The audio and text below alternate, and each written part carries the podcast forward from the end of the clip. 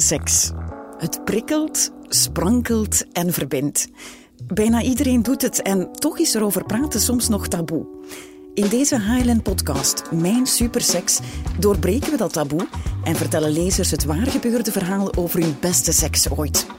Onze journaliste, Roxanne Welles, noteerde hun ervaringen en kreeg toestemming van de vertellers om hun verhaal ook te laten inlezen door onze stemmen.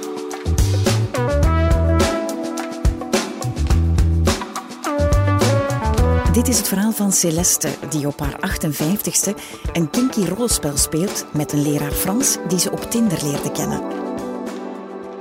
Negen jaar geleden verliet mijn man mij voor een jongere vrouw. Ik was toen 50.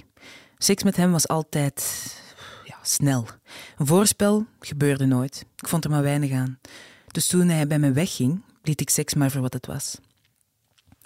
In volle coronatijd was ik best eenzaam. Normaal gesproken zag ik mijn dochters één keer per week, maar ja, corona stak daar een stokje voor. Mijn oudste dochter vond dat het na negen jaar tijd was om iemand nieuw te leren kennen. Dus ze maakte een Tinder-profiel voor me aan. Ik verwachtte er niets van. Ik vond het allemaal goed geweest, ik hoefde geen nieuwe relatie. Maar mijn dochter drong aan en stelde zelfs voor om voor mij het selecteerwerk te doen. Op een dag liet ze mij een foto zien van een man die poseerde met struisvogels. Hij was leraar Frans. Misschien een vreemde combinatie, een leraar Frans met struisvogels als huisdieren, maar hij had een geweldige uitstraling. Ik stuurde hem een bericht en dacht, ik zal wel zien hoe het loopt. Niet veel later ontmoetten we elkaar op restaurant. Hij had zoveel charisma en onze gesprekken gingen vlot. Tijdens het eten voelde ik zijn voet tegen de mijne duwen. Eerst dacht ik dat het per ongeluk was, maar toen hij bleef voetje wrijven, steeg de spanning tussen ons. Oké, sprak ik mezelf toe, ik ga ervoor. Dus toen hij vroeg of ik mee naar zijn huis wilde om de avond af te sluiten, zei ik ja, daar heb ik zijn struisvogels ook ontmoet. Het viel me meteen op hoe zacht hij was met dieren. Ik ben nooit een dierenmens geweest, maar vond het fijn om hem tegen de beesten te horen praten.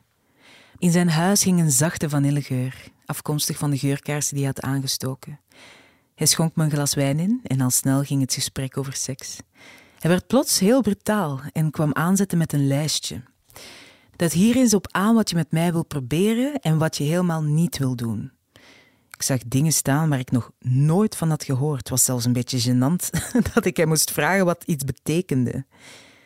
Mijn oog viel op rollenspel. Ik vroeg om meer uitleg.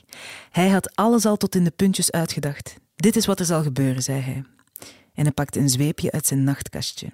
We gaan leraar-student spelen. Ik ben de leraar. Jij bent de student die niet zo goed is in Frans.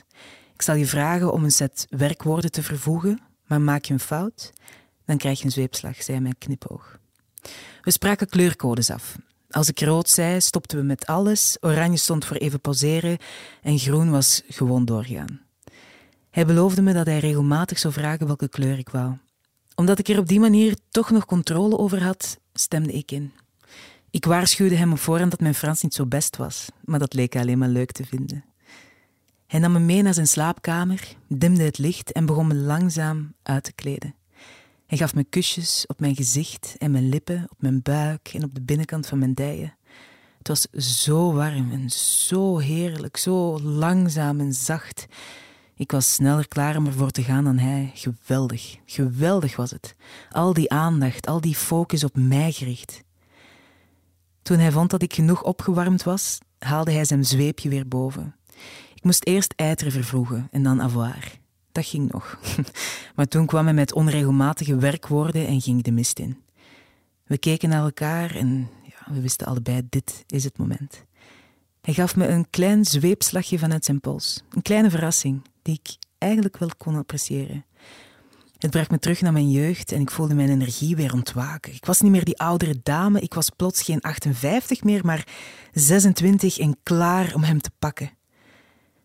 Na een tijdje legde hij het zweepje aan de kant en hij begon mij zacht te vingeren en de rest ging vrij snel. Tijdens de seks vertelde hij me dat ik een flinke meid was als ik op hem ging zitten of extra moeite deed om hem te plezieren. Ik vond dat erg opwindend. Het was lang geleden dat ik was klaargekomen, maar hij slaagde er toch in om me het beste orgasme van mijn leven te geven. Misschien wel het enige echte orgasme dat ik ooit had gehad.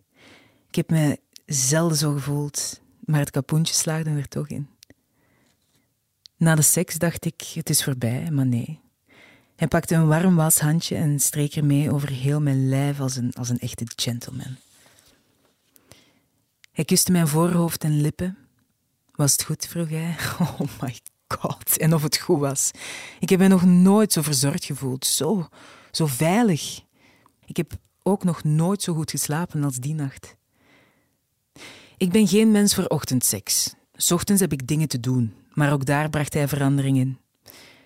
De dag nadien vroeg hij hees of ik hetzelfde wou doen als gisteren, maar met nog een klein beetje meer. Hij haalde een rok en kniekousjes boven. Hij was al aangekleed om naar het werk te gaan, maar dat maakte voor hem niet uit. Ik voelde mij zo sexy. Dus we deden opnieuw wat we die avond ervoor hadden gedaan en opnieuw bracht hij mij in vervoering. Ik dacht dat ik hem nog wel zou horen, maar na onze nacht was zijn Tinderprofiel verwijderd en ik, ik hoorde hem niet meer. Toch koester ik de herinnering aan hem en heb ik geleerd dat goede seks bestaat.